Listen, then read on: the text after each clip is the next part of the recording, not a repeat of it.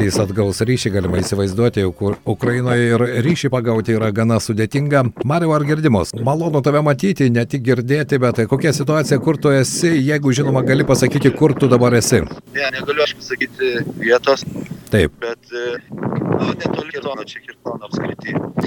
Viskas aišku, Hersonas, kur mūšiai irgi vyksta, kaip, gal gali trumpai, mes e, tavo vaizdo įrašą, kuriame tu pasakoji savo istoriją, kaip tu dabar atsidūrėjai Ukrainoje jau transliavimai ir mūsų klausytojams, bet e, vis dėlto tas pasiryžimas likti Ukrainoje ir kovoti už e, ne tik ukrainiečių, bet ir mūsų pačių laisvę. Kas lėmė? Nu, tai. Kažkiek mes tave girdime, bet trukinėjantis signalas, Mariau, matyti iš tikrųjų sudėtingos aplinkybės ir ten surasti tą vietą, kur tas signalas. O, dabar jau tai atsiranda, tai dinksta, bet aš tikiuosi, kad vis dėlto mes tave išgirsime. A, gerai. Tai mano klausimas buvo tas pats, kaip vis dėlto tu pasiryžai likti Ukrainoje ir kovoti?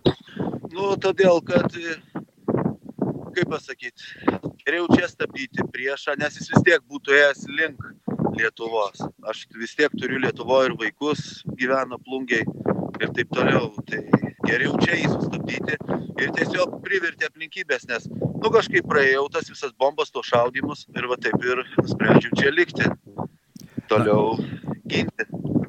Mariau, kaip sekasi ginti, nes informacijos iš karo zonos, jos pačios įvairiausios, kiekviena pusė žinoma giriasi, jog jie yra nugalėtojai bent jau kiekvienos dienos suvestinėse, bet yeah. tu realiai dalyvauji. Aš galiu jums. Taip. Ja, aš galiu jums, aš jums galiu tiesiai šviesiai pasakyti, mes laimėsim ir čia jokių visiškai, mes dabar jau laimėm, valomės konkrečiai.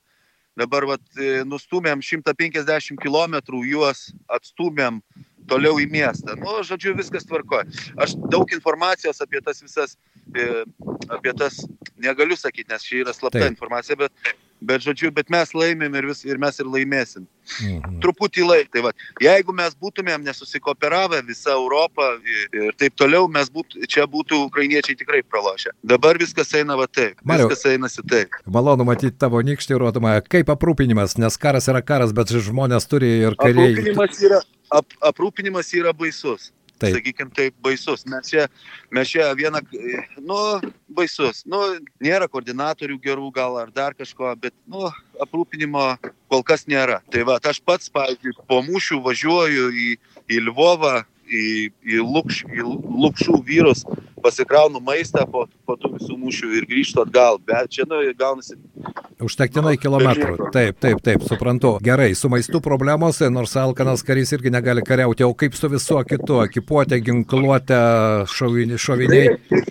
Ekipuotė pas mus gana gera, nu čia yra. Taip, matau. Čia yra AKSM, jisai e, ukrainiečių yra, nu, švedų, švedų jisai modernizuotas. E, šiaip užtenka, ginkluotės viskas tvarkoja. Mhm. Tai, Na, tik tai va, technologinių ten tų visokių e, elektroninių tų dalykų būtų gerai, ten, pavyzdžiui, termovizorių daugiau, mhm. daugiau ir, ir reikėtų, kad nu, būtų gerai, kad padarytų kažkokią sistemą, kad jie tikslingai, kad jie pasiektų, jeigu mums sudovanoja arba duoda, nu, sakykime, surenka mums, tai kad jie mus pasiektų. Dabar jie ten, nu, kas, kas žino, kur jie ten, kur, kur jie nusėda tie visi termovizoriai. Greičiausiai jie atvažiuoja per sieną, ten, sakykime, 26 mus pasiekia, tas, arba 5, tas, tas likutis vėl atgal važiuoja ir vėl perparduoda tipo kaip labdarai, va, mes turim supirkit.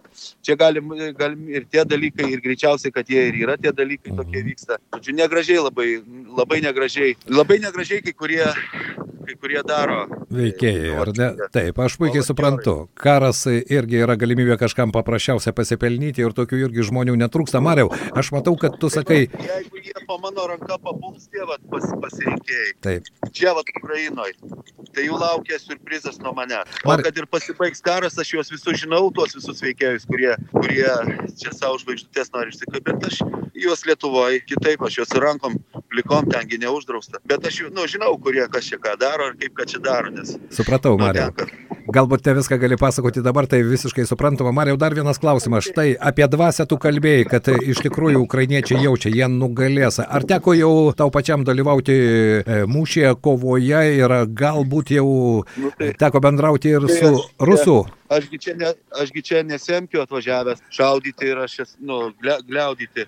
Ir aš esu, nu, kaip čia pasakyti šturmo, nu, štur, pas šturmavykus esu. Supratau, tai viskas tai ten, aišku. Tie, kurie tardavė, tie puikiai žino, ką tai reiškia, ar ne?